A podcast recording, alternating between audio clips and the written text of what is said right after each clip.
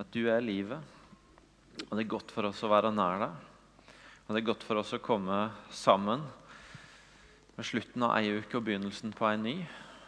Og komme nær deg og hente liv hos deg.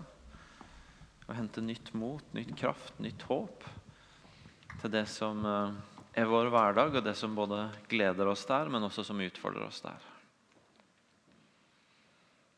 Og vi ber deg om at du denne formiddagen nå skal fortsette å tale til oss og gjøre ditt ord og det som er ditt hjerte, for oss i dag, levende for oss. Sånn at eh, vi kan merke ikke bare akkurat nå, men i dagen som kommer og uka som kommer, at du er nær, og at du er livet. At i du så har vi liv. Takk, Jesus, for at du vant over døden, og takk for at selv om påskeferien er over, så er ikke påskebudskapet over. Men du er den levende, og det er det vi feirer, og det vi henter kraft og mot og håp fra. Amen. Yes, Jeg rakk ikke si det i stad, når jeg så vidt var oppom, så sier jeg nå. God søndag. Flott å se dere. God søndag. Ja, takk, dere begynner å lære det. Skal få en sjanse til siden jeg var litt kjapp videre. God søndag. Ja, takk skal dere ha. Eh, kjempefint å være sammen med dere. Eh, for de av dere som er på besøk, så heter jeg Egil Velling og skal prøve å si litt fra Guds ord de neste minuttene. Eh, det er, jeg liker utrolig godt denne søndagen en gang i måneden når vi feirer nattvær sammen. Og da er alle sammen. Og så er det noen ganger at det tar litt lengre tid enn ellers. og Da er det jo bra at jeg kommer til slutt, så det er ingen andre enn meg som blir kutta i.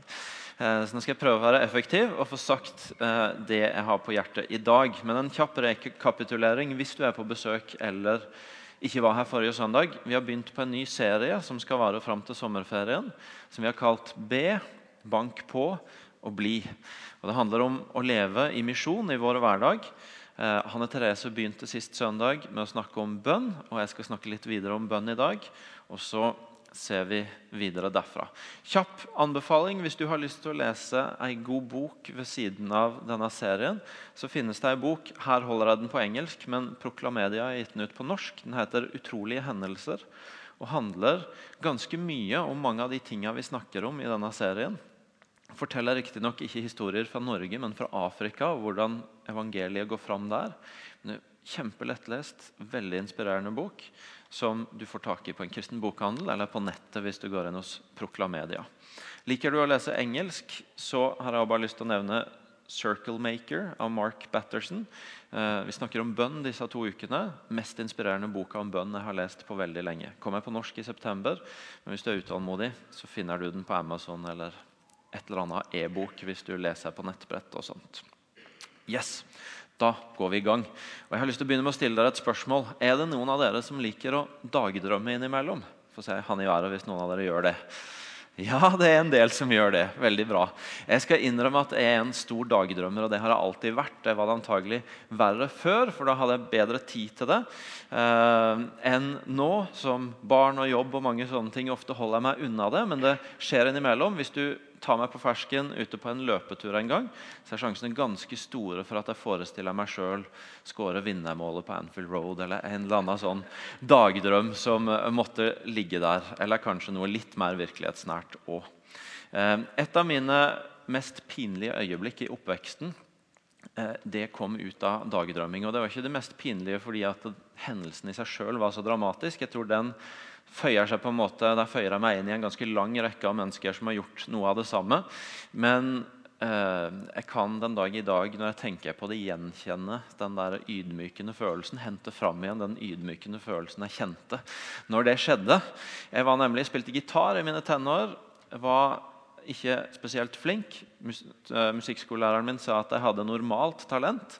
Og så var jeg ikke så veldig glad i å øve, så da ble resultatet sånn cirka deretter. Men jeg hadde mye glede i det. Ehm, men som jeg sa, jeg var ikke alltid så glad i å øve, så det var en sommerdag hvor jeg visste at mamma og pappa var borte den nærmeste uka. hadde huset for meg selv, så jeg hadde rigga meg til med elgitaren min. Hadde ikke engang tatt bryet å plugge, sette pluggen i. Skrudd på kuleste låta med de tøffeste gitarsoloene jeg visste. Og siden pluggen ikke holdt meg fast, så hadde jeg merkelig nok endt opp foran speilet ute i gangen. Og Der dro jeg de tøffeste bevegelsene og de villeste grimasene jeg kunne tenke fram at passa hvis jeg skulle spille gitarsolo. Og plutselig, midt inni der, så bare ser jeg i øya på min svogers bror. Dvs. Si en som jeg kjenner akkurat godt nok til at det er ganske pinlig.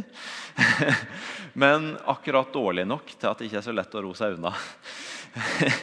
Så der sto jeg, og jeg kan den dag i dag kjenne på hvor ydmykende det kjentes ut. Kanskje har du noen lignende opplevelser.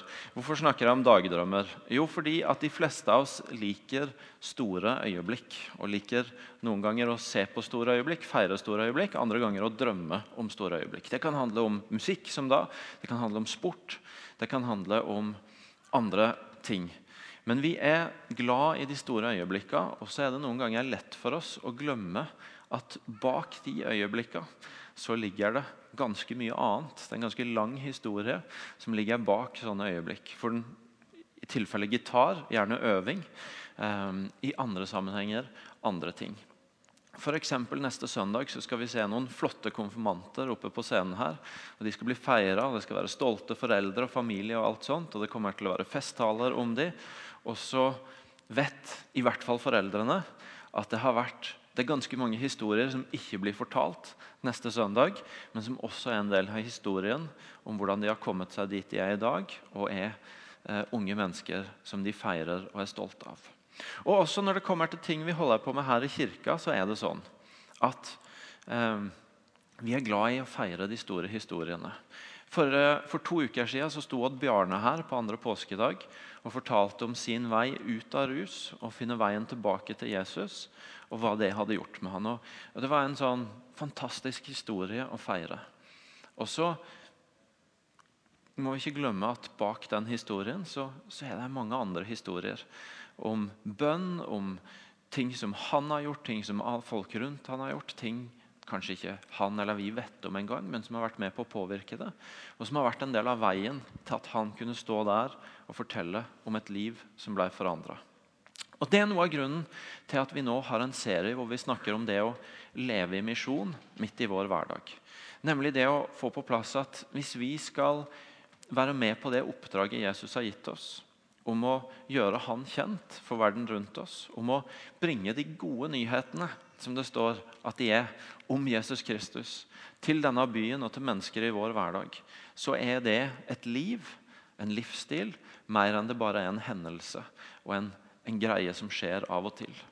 Det er, vi, vi må gjerne drømme om den store historien som skal komme, men vi vet at skal vi virkelig se det skje, så må det være en del av livet vårt, ikke bare noen sånne store øyeblikk nå og da. Og Det er derfor vi kjører denne serien for å hjelpe oss sjøl til å ikke bare drømme om store historier, men til å leve et hverdagsliv som er prega av at vi er et folk i misjon, sendt til denne verden og til våre omgivelser for at de gode nyhetene om Jesus Kristus kan bli tilgjengelig for folk rundt oss. Utgangspunktet for serien er en tekst i Lukas 10, hvor Jesus sender ut 72 disipler. Ehm, det er en tekst som vi har brukt mye opp igjennom når vi har om dette, her, og som har vært viktig for oss. Og Jeg skal ikke legge ut den teksten i dag, men vi skal på en måte bare ta, ta av derfra. Ehm, og, så, og, så, skal veien gå litt videre, og vi skal gå innom noen andre tekster underveis. I Lukas 10, når Jesus sender ut i 72, så begynner han med å si Høsten er stor, arbeiderne er få. Og Det er en utrolig viktig setning. Fordi Jesus sier Høsten er stor. Sagt på en annen måte, det er mange mennesker som er klare til å høre de gode nyhetene om Jesus Kristus. Det er mange mennesker som er klare til å få en smak av Guds godhet. Det er mange mennesker som er klare for å møte en Guds rike virkelighet.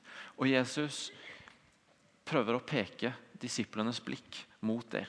Han sier også et annet sted i Johannes 4 at eh, dere sier det er fire måneder til innhøstninga. Jeg sier dere, løft blikket og se på markene. De står alt hvite mot høst. Se, høsten er stor. Hva vi ser på og hvordan vi ser, er ikke uvesentlig. Vi lever i et land og i en del av verden hvor det er nok av statistikker og rapporter og tall som forteller historien om at her er det ikke mange som er interessert i Gud, gitt. Og her går det nedover med kirka, og, eh, og her er det tungt å skulle tenke seg at en skulle på en måte se mennesker ta imot Jesus. Det er mange sånne avisartikler og rapporter og statistikker. Og Samtidig så vet vi at vi har hørt historien om hvordan folk vi ikke trodde var interessert i Jesus, var det allikevel. Vi har sett historien om at det vi trodde var umulig, var mulig. Og så ber Jesus om, oss om å feste blikket på at høsten er stor. Se, det er mange som egentlig har lyst til å ta imot, som egentlig har lyst til å møte evangeliet om Jesus Kristus. Ha blikket på det. Og Det er også vår erfaring at mer enn én en gang så var det vi tenkte ikke var interessant for noen, det var faktisk interessant. Folk vi ikke trodde hadde lyst til å høre om Jesus, gikk egentlig rundt og var nysgjerrig på han. Så når Jesus ber oss om å se, så ber han om å se på at det er mange mennesker som har lyst til å ha tak i de gode nyhetene. Og at vi kan ikke la verken rapporter eller statistikker eller hva det skulle være, det, det gir ikke oss tillatelse til å snakke oss ut av det oppdraget vi har fått med å gjøre Guds godhet tilgjengelig for verden rundt oss. Vi har ikke tillatelse til å snakke oss ut av det. Jesus ber oss heller om å feste blikket, sånn at vi ser at høsten er stor. Høsten er stor, arbeiderne få. Med andre ord alle må være med. Kirka er en folkebevegelse hvor det ikke bare er noen som skal fortelle de gode nyhetene, men hvor alle trengs med. Det er en folkebevegelse, ikke en elitebevegelse. Det er ikke for de få, men det er for alle. Alle må med, for høsten er stor, arbeiderne få. Jeg og du må være med, og Gud virker steder som jeg ikke er, men som du er. Og Derfor så trenger han at du er med på det, sånn at eh, mennesker kan få møte en Gud som er god og vil de godt. Så viktig. Og så er vi kommet til det som er del én av denne serien. For når Jesus da skal sende dem, så begynner han med å si be. Han begynner ikke overraskende nok med å si gå. Han skal jo sende dem ut. Men han begynner ikke med å si 'gå', han begynner med å si 'be'. Derfor høstens herre. Be. Med andre ord, det vi får være en del av, det vi er sendt med, det som er oppdraget vårt, det begynner ikke med det vi gjør, det begynner ikke med hvor vi går, men det begynner med å be. Eh, å bruke tid med Gud og be til Han om det som ligger foran. Og Det er et så utrolig viktig ord å få tak i. Fordi det, er så lett for at det vi snakker om i disse ukene, her, primært blir å handle om oss. Om det vi får til eller ikke får til. Og så er Jesus flink til å bare sikre oss at vet du noe, la oss sikre at det, det først handler om Han. At det først handler om Gud, og at det først handler om det Han kan, ikke det vi kan eller ikke kan. Og det Han skal gjøre, før det handler om det vi skal gjøre eller ikke gjøre. Så Jesus begynner med å si 'be'. Og hvorfor ber, sier han det? Hvorfor er bønn så viktig? Hvorfor, hvorfor, har bønn noe å gjøre med det at våre hverdagsliv kan være liv i misjon? Liv hvor andre mennesker får en smak av Jesus gjennom at vi er der vi er. Jo, For det første så er bønn viktig fordi det har noe med oss å gjøre. Bønn er viktig pga. oss. Jeg sa noe om at bønn sikrer at misjonen misjon ikke handler om, primært om det vi kan eller ikke kan, men om det Gud kan. Og Hvis vi skal være ærlige, så er det jo ikke alltid sånn, for alle av oss i hvert fall, at det med å leve hverdagslivet vårt som et liv i misjon, det å dele troa vår, det å gjøre Guds godhet tilgjengelig for mennesker rundt oss, at det alltid går på skinner. Det er ikke alltid det enkleste vi syns her i verden. Det er ikke alltid det vi har mest lyst til. Det er ikke alltid det vi helt vet hvordan vi skal håndtere. Og så er bønn et sånt redskap som hjelper oss over noen av de hindringene. For det første, En av de hindringene som vi gjerne møter, er at eh, vi kan kjenne på at vet du noe, dette her får ikke jeg til. Dette er ikke min greie. Jeg syns ikke det er lett å dele troa mi med andre. Jeg syns ikke det er lett å gjøre Guds godhet tilgjengelig for andre. Jeg føler ikke helt jeg får det til. Det kan handle om at du har prøvd, og så ble det et ganske klamt forsøk. Eller mislykka forsøk. Det kan handle om at du bare tenker at ah, det er ubehagelig, ukomfortabelt, skummelt. Det kan handle om at du har sett noen andre og tenkt at hvis det er sånn det er, så jeg har, i hvert fall ikke lyst til å bli sånn. Det kan hende at du har sett noen stå rope etter noen på gata og tenke at nei, det der vet ikke, om jeg, vet ikke om jeg vil gjøre det sånn. Og så er bønn noe av det som kanskje kan hjelpe oss videre. For noe av det vi gjør når vi ber, det er at vi kan gripe fatt i løfter Gud gir oss i sitt ord. Når vi ber, så kan vi holde fast i at vet du noe, dette har du sagt, Gud, og dette holder jeg fast i for mitt liv, eh, som et løfte fra du. Hvis vi leser Salmenes bok Jeg starter hver dag i Salmenes bok og eh, blir bare mer og mer glad i det. Og Noe av det jeg ser hos salmistene, det er igjen og igjen ikke sant, hvordan de holder Gud fast i at vet du noe, dette har du sagt, Gud. Og nå, nå holder jeg fast i det når omstendighetene mine er som de er. Og Et av de løftene som eller Jeg har lyst til å peke på ett sånt løfte i dag. Fordi Når Jesus kaller sine disipler i starten av evangeliene, så sier han han sier det både sånn som det er gjengitt i Matteus, Markus og Lukas evangeliet, så sier han Kom og følg med, og så skal jeg gjøre dere til menneskefiskere. Kom og følg med, så skal jeg gjøre dere til menneskefiskere. I den setninga ligger det et kall til å komme og følge, men så ligger det faktisk også et løfte. At når dere kommer og følger med, så skal jeg gjøre dere til menneskefiskere. Menneskefiskere, kanskje litt rart ord. Et ord som ble brukt for 2000 år siden. Ikke sikkert det er det ordet vi hadde valgt hvis vi skulle nyskrive det i dag. Men som jo enkelt og greit handler om nettopp det vi snakker om i dag. At hvis dere kommer og følger med, så skal dere bli sånne mennesker som kan bringe de gode nyhetene videre til andre. Som kan se at andre mennesker får finne veien sin tilbake igjen til Gud, Han som har skapt dem, og som gir dem verdi. Og jeg vet ikke hvordan det er med dere. Jeg leser noen ganger det ordet, og så er lett i mitt hode, sånn som jeg er skrudd sammen, og tenker Kom, følg med, og så skal jeg gjøre dere til menneskefiskere. Mm, følger jeg meg som en menneskefisker? Nei, ikke alltid. Ja, Da følger jeg sikkert ikke han. Å gå den veien. Lett å gjøre. Vet ikke om noen av dere gjør det. Jeg kan av og til gjøre det. Og, og selvfølgelig Noen ganger så kan vi bruke det ordet sånn for å på en måte la oss utfordre på at vi faktisk følger Jesus. Men det går faktisk an å gå andre veien med det ordet òg. Og Istedenfor å bruke det til å evaluere seg sjøl og bruke det til å holde fast i et løfte Gud har gitt. Kom og følg med, så vil jeg gjøre dere til menneskefiskere. Og Stille seg framfor Gud og si, 'Vet du nå, Jesus, jeg er her. Jeg har sagt jeg vil følge deg. Jeg er klar.' Det er ikke sikkert jeg alltid gjør det perfekt og får alt til, men det er hjertet mitt at jeg ønsker å følge det. Og så har du sagt at da skal du gjøre meg til menneskefisker. Så nå kom an.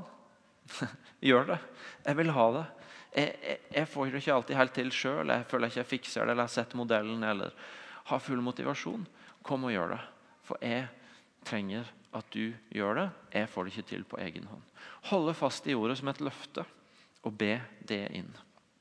Eh, denne uka har jeg vært på en konferanse som har handla veldig mye om det å hjelpe mennesket å finne veien tilbake til Gud. Det å evangelisere, om du vil. Dele troa med andre. Og eh, En av de som var der og fortalte historien sin, var Nikki Gumbel, som eh, er den som har tatt alfa ut av hele verden. Han fortalte historien vet ikke om noen av dere har hørt den før, jeg hadde ikke hørt den før, sin historie om hvordan han var en ateist som kom til å tro på Jesus. og Så fikk han en sånn Å, dette må jeg å fortelle andre om. Og så gjorde han noen forsøk som ikke var sånn kjempesuksess. For så hadde han lært at det var veldig viktig at folk for at folk skulle bli interessert i Jesus, at de på en måte ble oppmerksomme på behovet sitt. Så han var ute en kveld, og så gikk han bort på dansegulvet til hun som senere skulle bli kona hans.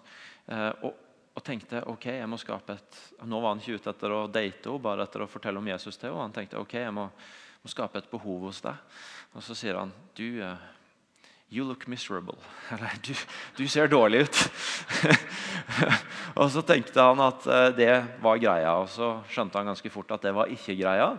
Eh, og, så, og så fortalte han om hvordan hans historie hadde gått mellom å på en måte eh, fullstendig ikke ha antenner og ta hensyn til folk, til å bli fullstendig på defensiven og ikke helt tørre fordi han ikke visste hvordan. Og Så møtte han alfakurset og var med på et lite kurs med tolv stykk, hvor alle som var med på det, kom til tro. Og så tenkte han oi, her er det jeg kan gå med. Så holdt han fast i at han ønska å dele troa, og at Jesus gir et løfte om at når vi følger han, så skal vi få være med på det. Og så har i dag 24 millioner mennesker gått på alfakurs over hele verden. Mange av de kommet på tro, eh, kom, kommet på tro, ja, kommet til tro gjennom det. Jeg sier ikke at bare du holder fast i det løftet, så skal du få dele troa di med 24 millioner mennesker. Nikki Gumbels historie er en spesiell. Men jeg sier at det er ikke sikkert vi skal måle oss etter hva vi syns vi kan eller ikke kan, men etter at han har gitt et løfte om at hvis vi følger han, så skal vi få se det skje. Og Det kan vi gjøre i bønn ved å holde fast i det løftet. En annen utfordring det kan jo være at vi kjenner på at egentlig så bryr vi oss ikke så forferdelig mye om at andre skal få høre om Jesus. Det, det, på en måte, det stemmer når det står en predikant her framme og sier at ja, ja, det er jo viktig, men hvis jeg skal teste motivasjonen min og hjertet mitt, så er det ikke så himla drivkraft for det. Jeg blir ikke kjempebegeistra når folk snakker om det. Jeg syns egentlig jeg har nok med å finne ut av min egen tro. Jeg har andre ting jeg tenker på å brenne for. Og, og egentlig så hadde det vært litt godt om det ble snakka litt mindre om, så jeg hadde fått litt mer fred rundt det. For jeg har ikke så utrolig stor brann for det. Og Da er bønn et sted hvor vårt hjerte kan få møte Guds hjerte, sånn at noe kan settes i bevegelse i forhold til den opplevelsen. Paulus, en stor misjonær som vi møtte her i stad, han skriver til menigheten i Korint i 2. Korinterbrev 5, eh, fra vers 11. Fordi vi kjenner ærefrykt for Herren, prøver vi å overbevise mennesker. Men vårt liv ligger åpent for Gud, og jeg håper at det også ligger åpent for dere, så dere kan kjenne oss. Vi vil ikke enda en gang anbefale oss sjøl for dere, men vi vil, vi vil gi dere anledning til å være stolte av oss, så dere kan svare de som skryter av det de er i det ytre, og ikke i hjertet. Har vi vært i ekstase, var det for Gud. Er vi ved sans og samling, er det for dere. For Kristi kjærlighet tvinger oss. Vi vet at én er død for alle, derfor er de alle døde. Og han døde for alle, for at de som lever, ikke lenger skal leve for seg sjøl, men for han som døde og sto opp for dem. Kristi kjærlighet tvinger oss. Mer enn å piske oss sjøl for at vi ikke kjenner nok giring på dette her, så antyder Paulus at det er noe med å søke mot Guds hjerte. Sånn at Kristi kjærlighet blir en sånn drivkraft som dytter oss ut, akkurat som den dytta han stadig vekk ut og videre mot andre mennesker at Kristi kjærlighet får gjøre noe i våre hjerter når vi ber til Han, sånn at våre hjerter i større grad drives mot å gi det vi har fått, videre til andre. Og La meg gi et tips. Jeg tror ikke alltid at det foregår på den måten at vi setter oss ned og, og spør Gud igjen og igjen. Kjære Gud, utvid hjertet mitt. utvid hjertet mitt. Du kan gjøre det òg. Jeg sier ikke at det ikke virker.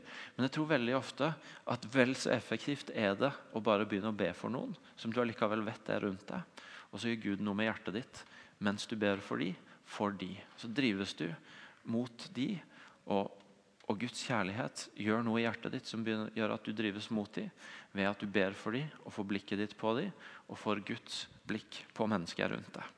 Så bønn gjør noe med oss. Bønn er også viktig fordi at vi ønsker å bli ledet av Gud. Og Da er vi over i at misjon skal handle ikke, på den ene sida ikke om det vi ikke kan gjøre. Derfor så trenger vi Guds hjelp. Men det skal heller ikke handle om det vi kan gjøre, mer enn om hva Gud kan gjøre. Vi tror at det er Guds misjon, det er Gud som er på ferde i denne verden. og Hanne Therese snakka forrige uke glimrende om missio dei, om at det er Guds misjon, og at vi får være en del av det han gjør i denne verden. Og Derfor så ber vi fordi vi ønsker å bli leda av Gud. Så en fascinerende historie her som ble spilt på dramastykket når vi alle var sammen om hvordan eh, Ananias blir leda av Gud. Han blir minna om Gud taler til han, Og så gjør det at han tør å gå til en som han egentlig er redd for å snakke med. Tror ikke har noen interesse av å høre om Jesus. Han er jo en av de som forfølger de kristne. Men fordi Gud får lede han og får tale til han, så tas han til en som er klar til å høre og til å ta imot og til å begynne å gå med Jesus. Neste ukene skal vi snakke om fredsmennesker, som det også står om i Lukas 10. Og Det handler egentlig om hvordan vi kan la Gud lede oss til mennesker og til steder hvor han allerede gjør noe, og hvor han allerede jobber i hjertene til folk. Og så blir det utgangspunktet for at vi får leve i misjon, mer enn at vi skal komme på masse kreativt sjøl. Apostlenes gjerning er 10, en annen fascinerende historie. Der har du Kornelius som sitter i sitt hjem og ber til Gud. Og så sier Gud, send bud på Peter. Han kan fortelle deg mer om hvem Jesus er. Og Så har du Peter som sitter og ber i sitt hjem, og som får noen rare bilder. fordi egentlig så tror ikke han at Kornelius kan komme til tro, for han er jo ikke jøde. Så får han noen rare bilder om å spise mat han som jøde egentlig ikke skal spise. Og Så kommer det noen mennesker og banker på døra og sier at Kornelius har sendt bud på deg. Og Fordi han har hørt Gud, så blir han med, selv om det ikke gir helt mening. Og Når han møter Kornelius, så deler han om Jesus, som han kanskje ikke ville gjort hvis han ikke hadde hørt Gud. Og så har Gud leda én her og én her, og så blir det til en nydelig historie om hvordan en, et nytt menneske får lov til å møte Jesus og begynne å tro på han. Vi ber fordi vi ønsker å bli ledet av Gud. For min del så betyr det noen ganger at jeg ber Gud hvem? Hvem er det jeg skal få bruke tida mi på? Hvem er det jeg kan få dele noe med? Og Andre ganger så er bønnen Gud, hva? Gi meg noen ord, gi meg noen bilder, gi meg noen innsikter som gjør at dette ikke handler om min forstand og alle mine argumenter, men om hva, hva kan jeg få gi inn til andre mennesker av din godhet i dag? Hvem Gud? Hva Gud? Jeg vil bli ledet av du. Jeg vil ikke bare at dette skal være min greie. Vi ber for å bli ledet av Gud. Og til slutt, selvfølgelig, vi ber fordi Gud beveges av bønn. Vi ber fordi at det at mennesker skal finne veien tilbake til Gud, det kan til syvende og sist aldri bli en greie som handler om hvor flinke vi er til å selge en sak, men det er først og fremst en greie om hvordan Gud får berøre andre mennesker. Paulus sier det. Jeg vanna, en annen sådde, men Gud ga vekst. I omvendt rekkefølge. Så først, og så vannet er gjerne lurt. Eh, men det er til syvende og sist Gud som gjør det. Masse historier i Bibelen om hvordan Gud lar seg bevege når vi ber. Senest denne uka, for de av dere som, som leser bibelleseplanen vår her på IMI, så er vi i Markus 7 nå. og Der er det denne kvinna som, som kommer framfor Jesus og, og, og, roper til han om hjelp. Og Jesus holder egentlig igjen, for han sier for nå så er jeg primært kommet for jødene, og hun var ikke jøde. Og så, og så holder han litt sånn igjen og bruker egentlig litt sånn eh, rare bilder. La først barna bli mette, for det er ikke rett å ta brødet fra barna og gi det til hundene. Tenk å kalle noen for hunder. Men det gjør han der. Men så er hun, kontrer hun bare tilbake. ikke sant? Selv hundene under bordet spiser jo smulene etter barna. Og så sier han, fordi du sa dette, så sier jeg deg, gå hjem. Den onde ånden har forlatt din datter. Hun ba for sin datter. Og fordi hun ba, så klarte hun å bevege Gud, og så fikk hun svar. Og det er vår tro. At når vi ber, når vi holder fast i å be til Gud, så beveges han, og så ser vi at han gjør det som vi aldri kunne gjort. Så la oss be sammen fordi at det gjør noe med oss. La oss be sånn at Gud kan få lede oss. Og la oss be sånn at Gud kan gjøre det vi uansett aldri kan gjøre. Det jeg har lyst til å invitere dere med i disse ukene, det er å, å være med på en bønnebevegelse hvor vi henter opp igjen det som er en kultur for oss i denne kirka. og Hvis du er ny, så, så vet du kanskje ikke om det, men få høre det nå. Men helt siden vi begynte med cellegruppe, så har vi hatt en sånn greie på be for tre mennesker vi kjenner, som ikke kjenner Jesus, hver dag. Og så er det så mange historier om hvordan Gud har berørt mennesker og brakt mennesker til Han gjennom det. Og Det er egentlig det jeg har lyst til å invitere deg til. Hvordan ser det ut for du å, eh, å ha en sånn vane av å be til Han om at for andre mennesker som ikke kjenner han, om at han må gjøre noe i de sitt hjerte, om at han må gjøre noe i ditt hjerte, at han må lede deg til hvordan neste steg er. Nå har jeg glemt å ta med opp her. Jeg hadde egentlig tenkt jeg skulle vise dere min sånn notatbok. Men der kunne jeg holdt opp for dere på god nok avstand til at dere ikke så navn. Og sånn. Og så kunne dere sett at hver dag så står det noen der som det står noe om at i dag ber jeg for de, eller i dag ber jeg for de. Og så er det en del av måten jeg starter dagen på. Jeg skal ikke si at du må begynne din dag der, eh, men i løpet av dagen å bygge inn en sånn vane.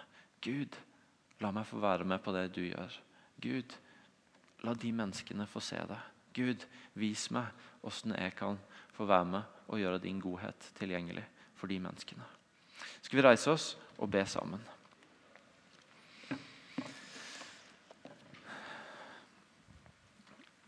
Gode Gud, jeg har bare lyst til å takke deg for at misjon og det å leve et liv hvor andre mennesker får møte du gjennom oss, er mer din greie enn det er vår greie.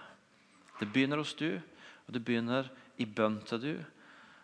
Og så blir det utgangspunktet for det vi får være med på, og det vi får gjøre. Jeg har lyst til å bare invitere deg til å komme og jobbe i våre hjerter denne søndagen, sånn at eh, vi dras mot deg. Og vi dras mot å be til deg. At du minner oss om mennesker vi kan be for. At du minner oss om å be. Og at du hjelper oss til å komme i gang med en sånn rytme og en vane og et liv på dette som gjør at eh, bønnen til du, ikke bare for våre behov, men for andre mennesker, blir en del av vår hverdag. Takker deg for alle historiene du har gitt oss opp igjennom, om at bønn virker, om at du er til å stole på. Og takker deg for ditt løfte om at du vil gjøre oss til menneskefiskere når vi følger deg. Og Det er min bønn for oss denne søndag formiddagen. At du skal se til hver enkelt av oss og se hvem vi er, hvordan du har skapt oss, hvor vi er i livet, hvem vi har rundt oss. Og ta oss med på den vandringa som handler om at vi får være med på å gjøre din godhet tilgjengelig. At andre mennesker skal få høre de gode nyhetene om at du døde og sto opp igjen for vår skyld gjennom våre liv. Det ber vi deg om i ditt navn, Jesus. Amen. Da er det sånn at uh, Her oppe så er du velkommen Dere kan bare bli stående litt, for dere skal straks få velsignelsen. Uh, her oppe så er du velkommen til å være igjen, synge lovsanger. Det er forbedere der borte som gjerne vil be for deg, enten det har med noe jeg har talt om nå, eller andre utfordringer i livet. Dere som har barn, må hente de. Og så er du velkommen når du forlater rommet, til å stoppe igjen i kafeen ute på torget. Der er det mat, der er det drikke og mulighet for en god prat. Men la oss avslutte denne gudstjenesten sammen med å ta imot Herrens velsignelse. Herren velsigne deg og bevare deg. Herren la sitt ansikt lyse over deg og være deg nådig. Herren løfte sitt åsyn på deg og gi deg fred. Amen. Gå i fred og tjen Herren med glede.